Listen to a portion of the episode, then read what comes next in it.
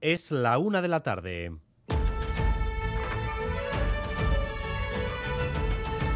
Crónica de Euskadi con Dani Álvarez.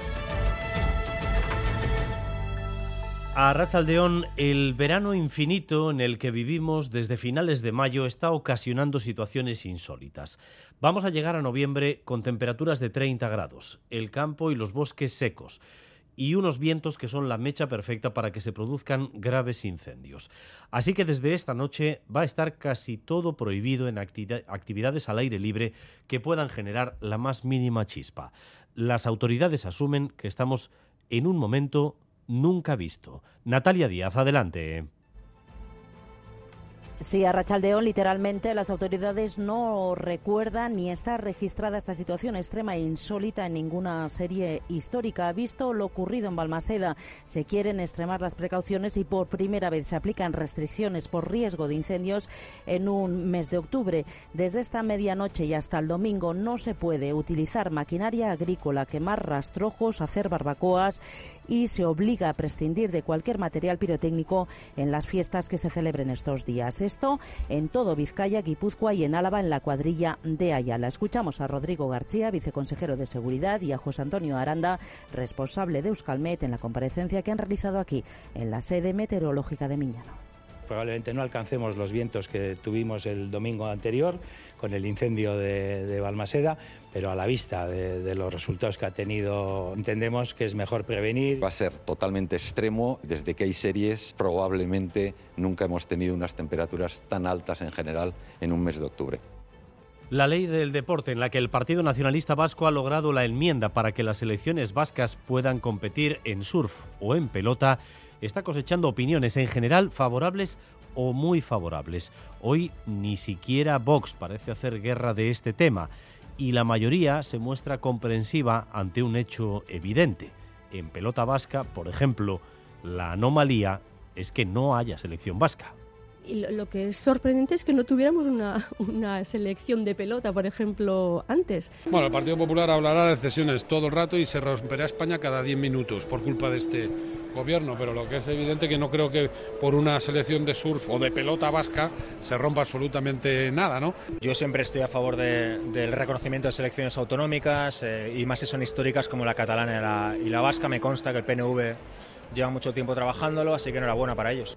Hoy entre los protagonistas, entre los propios deportistas, incluidos aquellos que llevan años tras la pancarta de Oficial Tasuna, hoy se impone la prudencia a la espera de cómo se materializa el reconocimiento, en todo caso un silencio llamativo. Hace unos minutos en el Mundial de Pelota Vasca, en el que eh, juegan España o Francia, pero no puede jugar la selección vasca, ha hablado el presidente de la Federación Internacional y desliza o insinúa que no se van a oponer a este reconocimiento.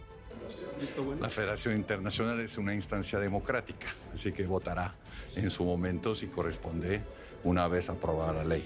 No sé, porque eso va a depender de lo que va a decidir en su tiempo parlamentario. Es eh, un proceso novedoso un proceso novedoso, así habla el presidente de la Federación Internacional de Pelota. Y el PNV encara una nueva etapa en Vitoria-Gasteiz tras haber tomado una decisión inédita en la ciudad, prescindir del actual alcalde ante el temor de que no fuera a lograr la victoria en las próximas elecciones de mayo. El presidente de la Ejecutiva alavesa del partido, José Antonio Suso, explicaba, como van a escuchar esta mañana en Radio Vitoria, las razones del cambio de Hurtaran por Artolazábal. No lo hemos apartado lo verá, ¿eh? sino simplemente hemos decidido que eh, en este momento eh, era lo adecuado la, propuesta que se ha tomado. Además, para ello hemos buscado una persona con una experiencia, con un conocimiento de Vitoria. Una persona con experiencia y con conocimiento, Beatriz Artolazábal. Sea como sea, Gasteiz va a tener por vez primera una alcaldesa porque todas las candidatas serán mujeres y en el caso de la designada por el PNV hacía hace apenas unos minutos estas declaraciones. Para mí es un honor y una gran responsabilidad que el Partido Nacionalista Vasco haya eh, decidido proponer mi candidatura a la alcaldía de Vitoria. Eh, todavía simplemente es una propuesta que se ha formulado a las bases. Sí que me gustaría también aprovechar esta ocasión para destacar y poner en valor el trabajo que el alcalde Hurtaran ha hecho durante estos años. El precio de la energía sube, los beneficios de Iberdrola también, aunque la empresa lamenta que en España está ganando mucho menos. Fermín Alberdi.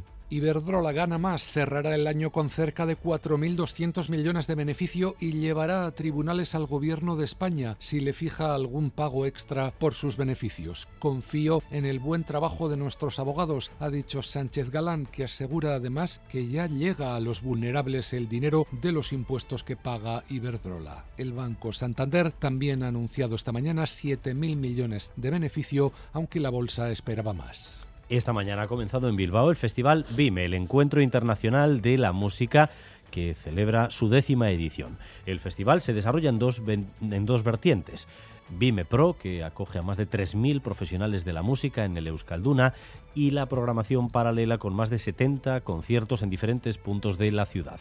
Julen Martín es el director del BIME un poco siguiendo al espíritu de lo que era Vime City y de lo que es Vime en general, ¿no? Con su parte profesional, hemos querido reconducir, ¿no? El formato del festival sea un, espacio en el que conocer nuevo talento, otro no tan nuevo que pero que ya igual tiene más desarrollo, pero que todavía es es fresco y de actualidad y acercarlo a la ciudad añadiendo cuatro escenarios en la calle y vamos también con lo más destacado del deporte, con Álvaro Fernández Cadierno. Arrachaldeón, Álvaro. Arrachaldeón, hoy día de viajes europeos de la Real Nicosia, donde juega mañana ante el Omonia, y en baloncesto femenino de IDK Euskotrena Lyon y de lo Guernica Alemania. Ambos disputan también mañana la Eurocup. Y también Asamblea del Atlético con las cuentas a aprobación de los socios, 10 millones de euros de déficit de cara a la pasada campaña y 6 con lo que tiene que ver con la próxima.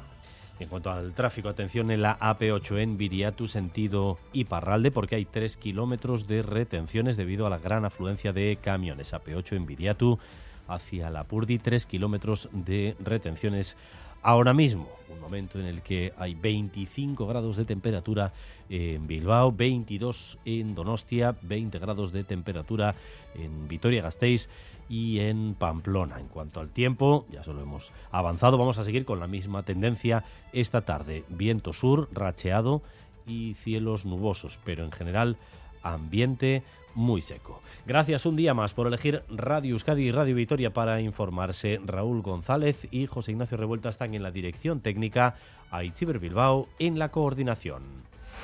Crónica de Euskadi con Dani Álvarez.